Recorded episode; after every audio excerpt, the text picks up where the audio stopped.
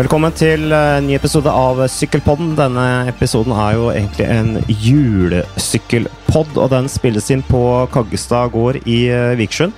Jeg sitter her på kontoret ditt, eh, Johan Kaggestad, min eh, far. Her er det som vanlig Dette kontoret ditt er preget av en lang karriere med idrett. Her er det stabel på stabel med bøker.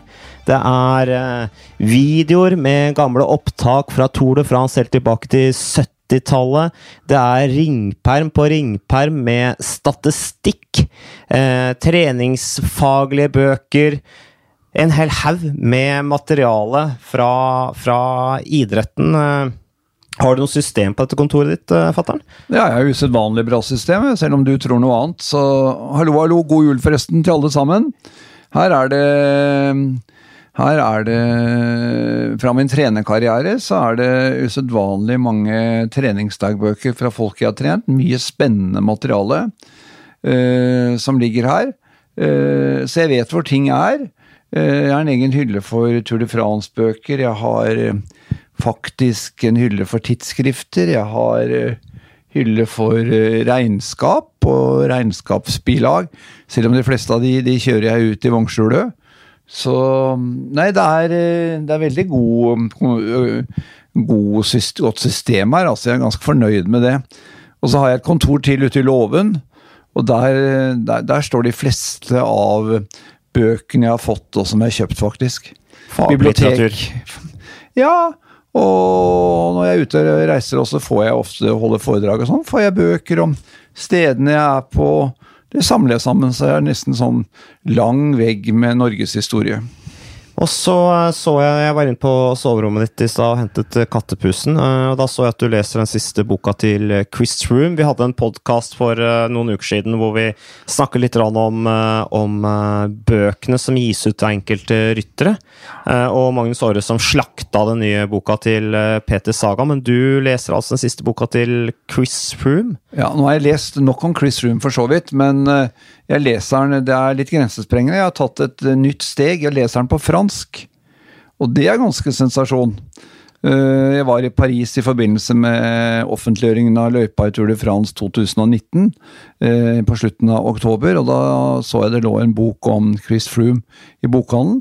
Så jeg altså kjøpte den, og det er altså den første boken jeg skal pløye meg gjennom på fransk. Jeg har faktisk kommet en del sider inn i boken også. Kjøpte også en bok om eh, Christian Prudhomme, altså direktøren i ASO, han som er rittdirektør i Tour de France. Også på fransk! Hvordan går det med fransken? Jeg vet at du har oversatt bøk, en bok, i hvert fall, fra nederlandsk, eh, som vel ble gitt ut av Polar, altså sportsklokkene. Ja. Eh, det, er ganske, det, er jo lettere med nederlandsk enn fransk. Ja, jeg er god i tysk, og da er nederlandsk eh, Jeg er god i tysk, engelsk og norsk, og da er nederlandsk veldig lett å forstå. Så også abonnerte jeg da jeg eh, var eh, da jeg begynte å bli interessert i sykkel og så om det var noe fra sykkel jeg kunne hente inn i trening av eh, langdistanseløpere i friidrett, så abonnerte jeg på et, eh, et eh, nederlandsk sykkeltidsskrift som heter Hvile Revy. Og det har jeg gjort siden 1970. Jeg gjør ikke det lenger nå, men da lærte jeg jo mye nederlandsk, eller flamsk. Uh, og det gjorde at uh, det var ganske greit å oversette den boka, som faktisk ble solgt i et usedvanlig stort eksemplar, antall eksemplarer. Og uh, jeg, Det var jo på en måte en kilde for meg også. Det var slik jeg ble interessert i sykkel, faktisk. Det var fordi jeg var syk, var hjemme fra skolen, begynte å bla i disse sykkelbladene og syntes sykkel så fascinerende ut. Men du førte jo statistikk, du, på rytterne fra Wielerrevy på rankingpoengene deres. Hva var det du brukte det til? Nei, bli kjent med sporten, rett og slett. Bli kjent med rittene, hvordan de var klassifisert, hva som var viktig ritt og hva som var mindre viktig ritt. Og, og bli kjent med hvordan rytterne planla sesongen. Og jeg oppdaget ganske raskt at det var eh, de aller beste rytterne brukte jo de eh, enkleste, mindre prestisjefylte rittene som trening til å kjøre seg i form, eh, for da så eksploderer de store rittene. Så og det hadde jeg fra de idrettene jeg ellers har trent folk i, at uh, du bruker jo ofte en del av konkurransene ikke for nødvendigvis å sette rekorder eller vinne, men du bruker det som ledd i treninga. Men den gang så var du ikke sykkelkommentator. Den gang var du trener, du var kultursjef, du var med og drev Nike i Norge, som du for øvrig var med og startet sammen med Konrad Ysgaard, en, en, venn av deg. Eh, vi hadde jo Nike-lager oppe på gården her, husker jeg. Vi stabla jo Nike-sko hele familien eh, på søndager. Eh, det var en tøff oppvekst. Eh, men, eh, ja. men, men de, da brukte du det i, for å få kunnskap, og fordi at du var nysgjerrig på hvordan de gjorde det i andre idretter, fordi at du selv var landslagstrener i løping og i tillegg hadde noe engasjement i langrenn? Ja, jeg brukte litt Jeg, jeg innså fort at det var eh, ganske smart å se om du gjorde noe, gjorde noe spennende i andre idretter, var, hvor det var overførbare mekanismer. Og derfor eh, Jeg var veldig interessert i hva de drev med i roing. Jeg ble veldig fascinert av sykkel, for sykkelen må være verdens hardeste utholdenhetsidrett. Da er det sannsynligvis noe å lære derfra. Eh, og i disse bladene jeg abonnerte på, så sto det jo mye treningstips osv. Og, og jeg var ganske flink til å spørre, og til og med eh, Norge hadde et veldig godt herrelandslag i håndball på den tiden, ledet av Tor Ole Rimejordet. Og jeg dro til Tor Ole og fikk lære en god del om hvordan de organiserte dette håndballandslaget, som lå langt foran, etter min mening, langt foran mange andre landslag når det gjaldt å organisere et landslag. Så det var mange ting å, å lære, for det er Én ting er det faglige, altså idrettsfaglige, en annen ting er eh, det mentale. Eh, eh, jeg knyttet også til meg folk som er gode på det. Og så er det det rent organisatoriske, hvordan du organiserer idretten. Det er også helt avgjørende for å få resultater. Men tilbake på den tida der 80-tallet, begynnelsen av 90-tallet osv. Det, det har vel Mitt inntrykk er vel at det har endret seg en del sykkelsporten fra den gang? Altså, la oss se på det rent sånn treningsfaglige. Eh, balansering i forhold til rittprogram. Du sier at den gang brukte man mye mer ritt som trening. Nå føler jeg vel at rytterne bruker De trener mer, og når de først konkurrerer, så konkurrerer de skikkelig. Den tid hvor man starta Paris-Nice eh, relativt utrent og brukte det til å komme i gang, den er jo definitivt over. Har du noen sånn følelse på det i forhold til erfaringene dine fra den gang du satt og førte statistikk på rytternes rankingpoeng tilbake på 80-tallet? Ja, det er helt opplagt. Det har skjedd en stor endring. og Sykkelsporten var etter min mening da jeg kom inn i den, ganske konservativt. Og det var eh, mye dette at ja, eh, du konkurrerer deg i form. Og det, det, Hvis du kjører hyppig konkurranse på relativt dårlig treningsgrunnlag, så får du en topp, og så går du ganske raskt rett i dass. Så hvis du ikke da bruker stimulerende midler da, til å holde det oppe, men øh, det er opplevd at sykkelsporten har lært av eh, en del beslektede utholdenhetsidretter. Ikke minst øh, friidrett, hvordan de planlegger sesongoppbyggingen. Med en ressursperiode, med en konkurransetilvenningsperiode, med en konkurranseperiode, restitusjonsperiode, ny oppbyggingsperiode og ny konkurranseperiode. Så det ser vi at i hvert fall de beste rytterne på lagene, de har helt strøkne konkurranseplaner for en sesong som faktisk varer da i ti måneder. Det er en ganske stor forskjell fra tidligere. De, de, kjøres ikke ut på ritt. og Du ser jo også at en mann som Valverde, som tåler mye ritt, han bruker mange av rittene som ledd i treninga, og lar ofte la kompisene sine vinne rittene. Men han konkurrerer jo også mye ja, i forhold til en del andre ryttere. Han, han, er jo på en måte litt gamleskolen når det gjelder rittprogram, føler jeg, da. I forhold til mengde ritt. Jo, men det er veldig artig, for jeg fører jo nøyaktig oversikt over hva han kjører av ritt og øh, hvordan det er klassifisert. Og jeg ser jo det at han øh, i enkelte ritt så lar han, er det ikke så veldig viktig hvilket nummer han blir. Han bruker det altså som en kvalitetstrening hvor han på mange måter trener den anaerobe terskelen sin, altså forbedrer den, og det er jo det nivået da øh, anaerobe terskel. Hvis du forbedrer den, så kan du kjøre lenger. Eller du kan kjøre hardere uten at du går i oksygengjeld. Hoper opp laktat. Så han bruker opplagt riktene som ledd i trening. Han syns det er kanskje litt kjedelig å trene det vi kaller intensiv trening, og da bruker han rittene i, i, som, som, en kompensasjon. Jeg sitter her nå og ser på statistikken hans, og han har altså 13 153 km på konkurranse i 2018. 80 rittdager. 80 rittdager er jo det er ikke sånn altfor mye. Jeg husker da jeg var proff i 2006, så sykla jeg 93. Ja. Så, og vi hadde jo ryttere da som syklet over 100. Eh, da, men det har, det har, endret seg litt. Men dette med trening, eh, fatter'n også nå er det jo jul, eh, og jeg har satt tidligere i dag og leste til, til frokost på, på, på, Cycling News, den engelske uh, sykkelweb-nettstedet. Uh, og så står det der et lite intervju med Matteo Trentin, europamesteren fra Italia som sykler i Mitchelton. Scottier kommer jo fra mange år i quickstep. Eh, hvor han da sikkert litt sånn eh, flåsete sier da til et italiensk eh, sykkelblad at det er bare tapere som, som trener på Boxing Day, eller er ute og sykler på Boxing Day. Det blir jo da altså annen, juledag. Og første nyttårsdag, sier han. Uh, og sier at i jula så er det tid for, uh, for, venner og familie. Det har han jo for så vidt helt rett i. Men da er det lite trening. Han går litt på ski. Han er med på et par cyclecross-ritt, og i en artikkel der, som sikkert ikke er helt 100% nyansert, men allikevel så får man inntrykk av at han er veldig avslappa i forhold til treninga nå i jula. Uh, hva tenker du om det? Det nærmer seg jo sesongstart i Australia. Tour Down det starter 15.1. Da er vi i gang. Ja, øh, og det er en lang sesong, og jeg tror ikke du kan holde en toppform gjennom en hel sesong. Uh, men Matheo Trentin liker jo å gi inntrykk av at han er en uh, sykkelbohem. Og jeg tror han er ærlig på det at han, han er ingen treningsslave. Men, og jeg tror på det at Eh, effekten av trening er aktivitet pluss hvile. Og øh, det å Du kan ikke trene uke ut og uke inn med samme volum, samme intensitet, og, og, og, bare øke på dette. Du er nødt til å trappe ned innimellom. Og da sier Matheo Trentin at akkurat i julehøytiden og nyttårshelga så bruker jeg den, den perioden til å trappe ned og lade opp batteriene og være sammen med familie og venner, for det gir meg energi til å kjøre på en ny, hard treningsperiode da fra begynnelsen av januar. Og han har jo trent ganske hardt, kan være helt sikker på han har trent ganske hardt siden eh, i hvert fall midten av november.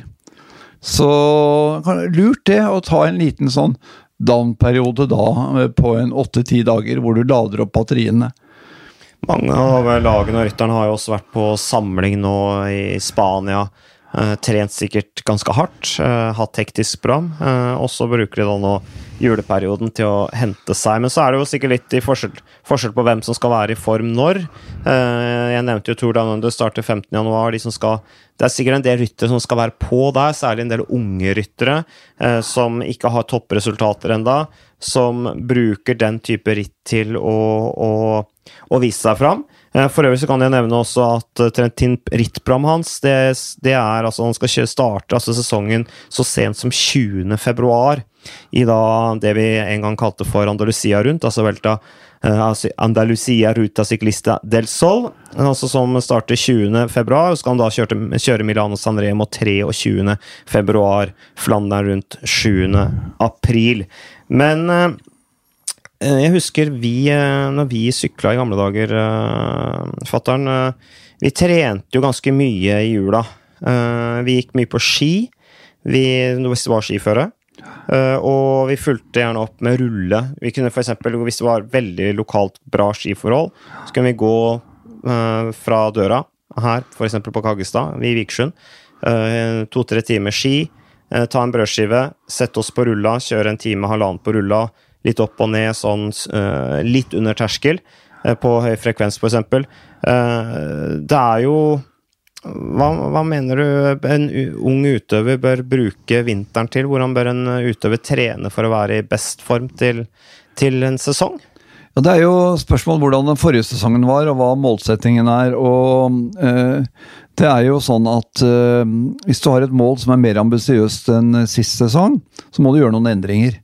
Du kan uh, bli bedre på noe du ikke er god nok på, og eller eh, bli bedre på noe du er bra på fra før. Men du må iallfall gjennom en eh, analyse av sesongen identifisere to eller tre eller fire utviklingsområder. Og Det trenger ikke nødvendigvis å gå på det idrettsfaglige. Hvis du ser på det idrettsfaglige, så er det jo det man er mest opptatt av, er jo denne motoren. Det er maksimalt oksygenopptak, nivå på anaerob terskel osv. Og det er jo helheten her som avgjør. Du er nødt til, Skal du bli god til å sykle, så må du trene mye. Det er jeg helt overbevist om. Eh, men det er viktig å periodisere. altså Etter f.eks. tre uker med mye trening, så må du trappe ned den fjerde uka. Det er jo det Trentin gjør nå i jula. da. Eh, du må trene mengde, du må trene opp evnen til å tåle å sykle, øh, klare å sykle med fett som ernæringskilde. For du klarer ikke å sykle et syv timer, seks timer sykkelritt på karbohydrater. De må du spare så lengst mulig ut i rittet. Så de lange, rolige langturene er helt avgjørende. Og så må du bruke denne tiden til å trene den anarobe terskelen. Altså evnen til å kjøre litt lenger eller litt raskere. øh, øh, før du går i rød sone, som det så populært heter. Og så er det vesentlig, det er helhet. Det er styrke. Øh, trene basisstyrke før du begynner å kommer inn i konkurranseforberedelsessesongen, hvor du da spesifikt spisser styrketreninga. Og så er det det som jeg er opptatt av, også bevegelighet, og trene eh, støttemuskulatur. Eh, for det er jo klar Jeg syns det er manglende forståelse i mye sykkelkretser for at hvis du sitter stabilt godt på sykkelen uten å bruke for mye krefter for å holde deg holde deg i mm, posisjon, så vil du da eh, kjøre mer arbeidsøkonomisk. Og da vil du bruke ligge litt grann lavere i, i, watt på samme fart enn du ville gjort om du var ustabil på sykkelen. Og dermed så sparer du en del energi som du kan bruke på slutten av rittet. Så jeg er veldig opptatt av styrke- og bevegelighetstrening. Gammel, typisk basistrening anbefaler jeg to ganger i uka. Uh, aerobics, f.eks., og variasjon i trening. For du kan trene denne motoren på mange, mange måter. Du kan uh, gå på ski, du kan løpe, du kan svømme. Du kan gå Vi ser en del av de utenlandske proffrytterne. De driver med randonee oppe i fjellene. Uh, men det er totalen som er avgjørende. Skal du få tåle en stor mengde, så er det lurt å variere, for da blir det ikke så mentalt belastende slitsomt. Så det er med å gjøre å bruke fantasien, men innsatte må trene mye. Og det slo meg da jeg kom inn i, i sykkelmiljøet, og ikke minst med dere i Ringerike sykkelklubb. Det var mange strålende unggutter der. Det var Gabba, det var deg, det var Ole Petter Hungerholt, du kommer under Joggertin, som senere ble norgesmester. Han kom også inn. Men det som slo meg i begynnelsen, det var at når det var regn og dårlig vær, eller snø, så satt man inne og kjørte ruller. Og det men det var når vi var ganske unge. Ja. Det var det, men det, noe av det jeg syns jeg fikk til med dere, var at jeg sa er det snø og flotte forhold på Ringkollen, som etter min mening er Norges flotteste skiarena under 1000 meter, så var det ute og gå på ski. Og lørdag og søndag gikk dere lange skiturer på opp i fire og fem og kanskje seks timer òg. Ja, altså, det er jo bare å oppfordre unge ryttere som eventuelt hører på dette her, at uh, hvis dere er ute og, og, sykler, eller altså bruke muligheten til å være allsidig, uh, kombinere istedenfor å sitte tre timer på rulla, jeg syns det faktisk er litt rart. Det må jeg innrømme. Det meste jeg satt på rulla, var to timer. Det syns jeg var lenge nok. Men når jeg hører om utøvere som sitter og kjører langtur på rulle, det kan være flott, det. Men jeg oppfordrer utøvere til å være litt mer allsidig. Gå gjerne en skitur Løp dere en tur, eventuelt sykle en tur ute på piggdekk, sånne ting, og så kom inn og gjør resten av treninga inne. For det har noe med hvor sårbar du blir òg. Hvis du bare sitter og kjører på rulle, eh, bare sykler, så blir du også mer sårbar opp i når du blir litt eldre, f.eks. bytte av sykler, kommer inn i et nytt miljø med, med, med, med annen type utstyr osv. Og Da så i hvert fall jeg og Tor Husse snakket om det, at vi så at de franske utøverne som min, hadde mindre allsidig bakgrunn enn oss, de fikk fortere vondt i knær og ankler og sånne ting, fordi de var mer sårbare pga. altfor mye monoton bevegelse fra de var små. Så det er jo også et, et poeng. Ja, du har jo øh, Vi vet at en mann som Valverde er jo bl.a. begynt å løpe en del i oppbyggingsperioden. Uh, vi har folk som kommer fra andre idretter. Mange av de beste syklistene har faktisk vært borti triatlon. Eh, flott idrett med allsidighet eh, som basis.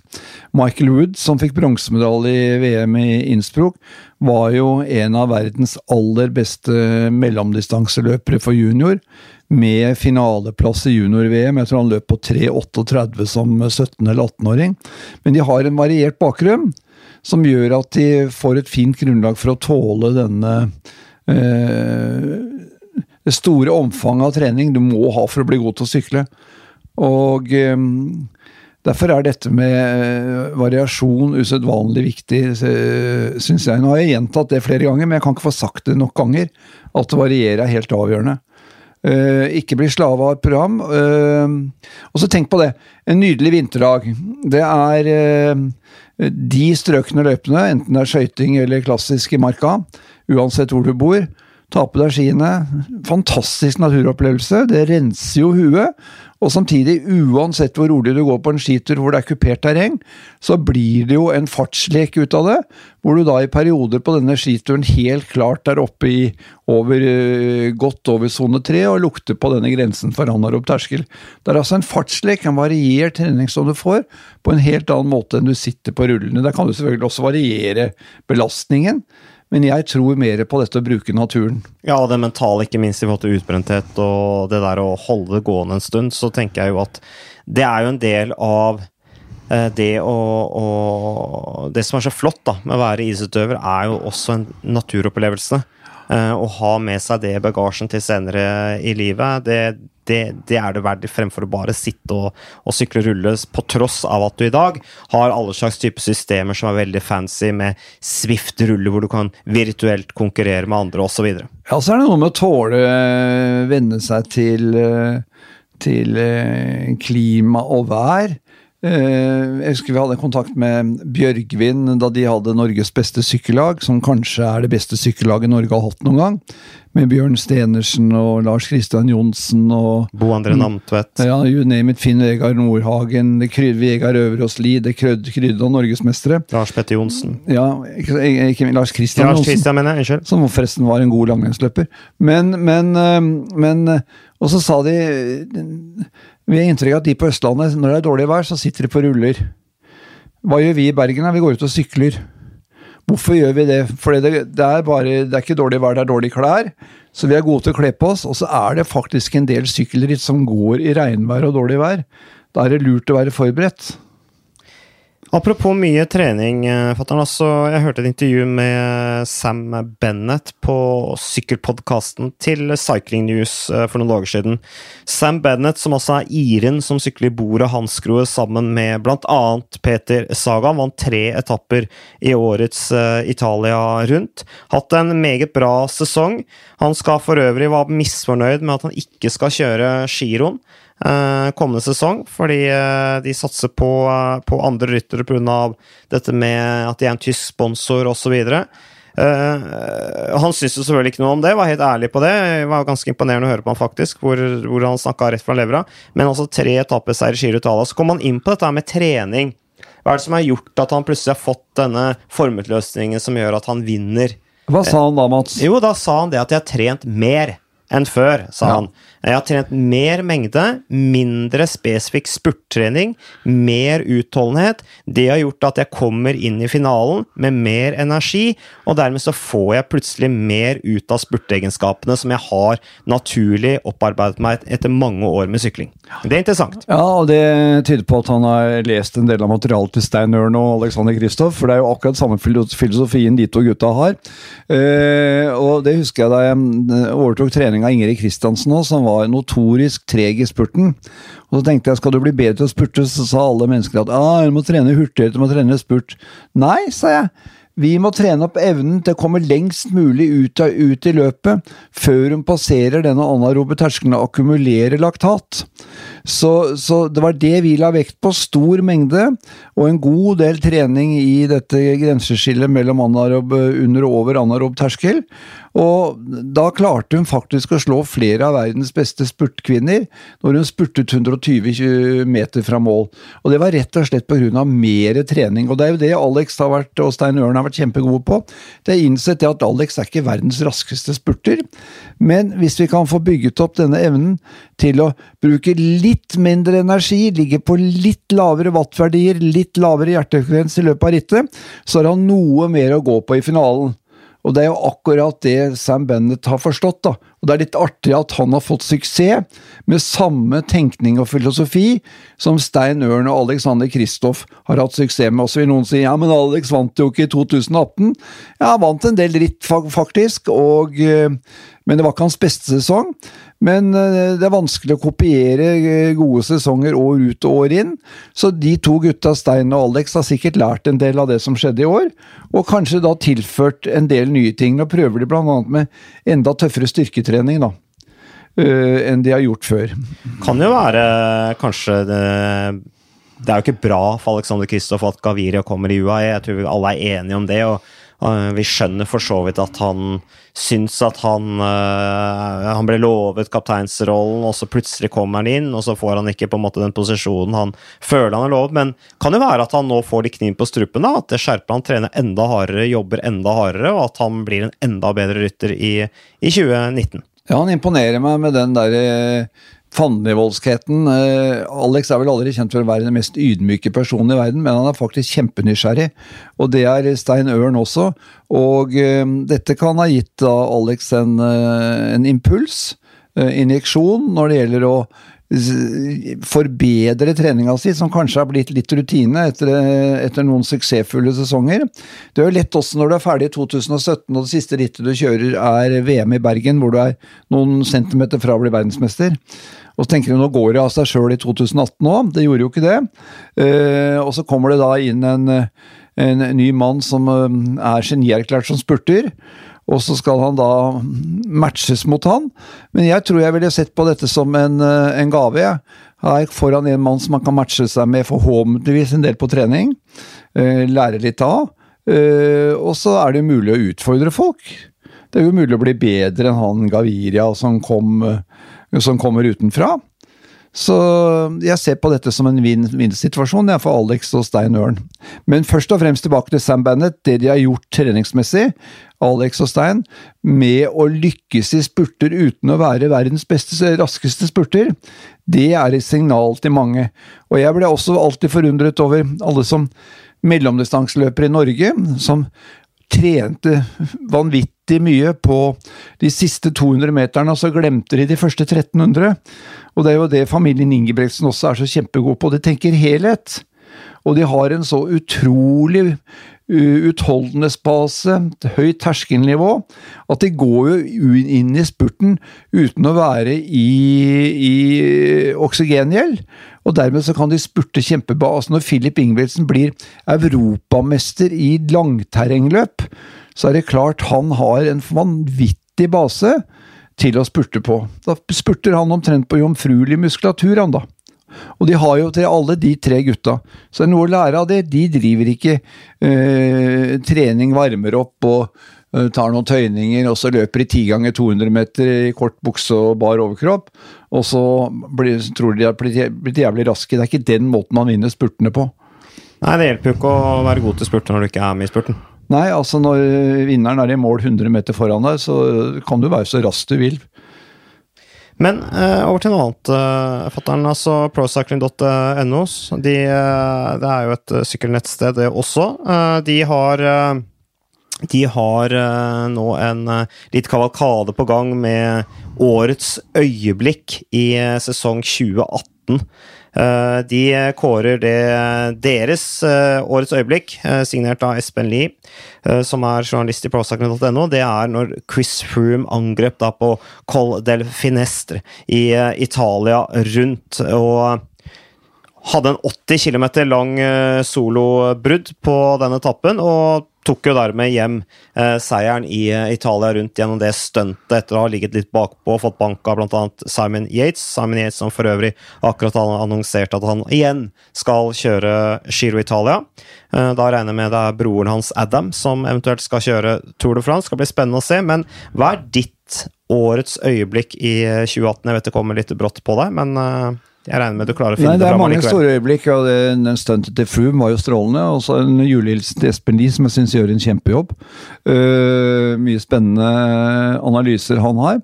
Nei, mitt store øyeblikk det er uh, Garin Thomas' store gjennombrudd etter mange mange år i skyggen av kapteinene i Sky. At han går inn og vinner ganske suverent uh, verdens største internasjonale sykkelritt. Det var for meg en åpenbaring. En guds fra fra Cardiff, som har jobbet den lange, lange veien gjennom banesykling. Dobbelt olympisk mester på bane. Og eh, har trent solid, bra hele tiden, men vært en uh, luksushjelperytteren. Og så går han hen og får sjansen, og vinner altså Tour de France på en utrolig bra måte. Og da han kom til Alpe d'Huez, og vant etappen til Alpe d'Huez, det syns jeg var et eh, rørende sykkeløyeblikk. Og britene har jo hatt eh, De lyktes jo ikke i VM. De har ikke satset noe særlig på VM de siste årene. Unnskyld, forkjølt. Men, eh, men det var jo også en brite som vant hvert av de tre store rittene i år. Grand Tours, med tre forskjellige ryttere. Altså Først Chris Froome i Italia, så var det uh, Geraint Thomas i Tour de France, og så var det Simon Yates i Spania. En fantastisk oppvisning av britene. Men for meg er uh, Thomas årets mann og årets opplevelse da han vant opp til Alpe Tues. Ja, det var eh, vanvittig. Han var utrolig solid, og mer solid enn det kanskje det vi trodde han skulle være på forhånd. Han har jo vært litt skjør, veltet på uheldige tidspunkt, eh, ting som er ødelagt for ham. Men han var bunnsolid i årets Tour de France, så det er altså ditt eh, magiske øyeblikk. Jeg, jeg velger meg da den etappen hvor Steven Kreuzberg, altså Alp d'Huez-etappen i Tour de France, eh, hvor Steven Kreuzberg gikk i solobrudd, eller han gikk opp til dette bruddet som har gått. Eh, ble kjørende der stort sett bare alene med den trusselen han var. De andre rytterne visste jo at de ville jo ikke klare å henge på han heller. De fikk helt sikkert beskjed om bare å ligge på hjulet til Kreuzberg, som da gikk i dette angrepet for å presse Team Sky og de andre sammenlagte rytterne, med Primoz Roglic på hjul. Det var et angrep som jeg syns luktet lang vei mot styrke, dristighet, dette taktiske elementet med at de hadde to sterke ryttere på samme lag, eh, med da Primoz Roglic som satt i, på hjulet til, eh, til Chris Froome og Garen Thomas eh, og disse andre kanonene, eh, og ventet tilfelle Kreuzberg ble kjørt inn. Det ble han jo også da på slutten av den etappen opp Alp Duez. Det er kanskje det største det, det som har imponert meg faktisk mest denne sesongen. Ja, det, det er gøy med sånne offensive ryttere som, eh, hvor sannsynligheten for at de lykkes med stuntet sitt er ganske liten. Men, eh, men uh, gudskjelov at vi har sånne ryttere. Og det er nok av ryttere, både internasjonalt og nasjonalt, som sitter i feltet og skjuler seg, og så håper å avgjøre i en spurt. De rytterne som blir skikkelig gode, det er de rytterne som tar sjanser, tør å kjøre hardt, og en dag så holder det. Steven Kreuzberg ble jo fem i Tour de France. Han ble fire sammenlagt i Spania rundt. Så han er liksom mye eh, gjør noe skikkelig stunt. Uh, mangler siste Han skulle jo ha vunnet Giro Italia for noen år siden. Han gikk på trynet, var det tredje siste etappe eller noe sånt? Neste eller tredje siste etappe. Og det er også en av de grunnene til at jeg på en måte Han heier litt på. Uh, det hadde vært gøy om han, uh, om det, han gikk til topps en dag. Og i og med at Primoz Roglic også skal kjøre Italia rundt eh, Han skal også hjelpe Kreuzweig i Tour de France. Ja, så kan det jo være at det blir rollen hans da For det norske laget Jumbo Visma. Gratulerer, Visma. Nei, så det er spennende med altså De har fantastiske lag. Robert Geschink, ikke sant? Også Ja, og med Det er interessant med. Robert Geschink, bondesønnen, som har hatt noen tunge sesonger, og så har han gått tilbake til disse opprinnelige treningsopplegg. Han bruker altså timevis på denne her medisinballen sin, en sånn stabiliseringsball, hvor han ligger og trener stabilitet i hoftepartiet. De sier han er helt avgjørende for å lykkes med den jobben han skal gjøre for laget. Ja, så jobb med detaljene. Ja. Det, er, eh, det er ikke noe det er ikke noe hemmelighet. Det er bare å, å gjøre jobben skikkelig og gjøre litt ekstra. ganske, noen sier at det er ganske kjedelig, da. Eh, Ja, det er, det er ganske kjedelig å bli god. Vet du hvem som har sagt det? Arve Tellefsen. Det er ganske kjedelig å bli god, for du må gjenta og gjenta til de sitter.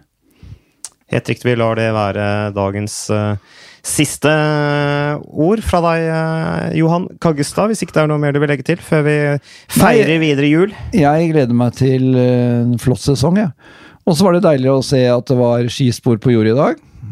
Så da blir du ut på ski i morgen. På Ja. Kaggestadjordene. Yes. Vi ønsker alle en eh, videre riktig god jul, og vi er tilbake med mer Sykkelpodkast i 2019. Thank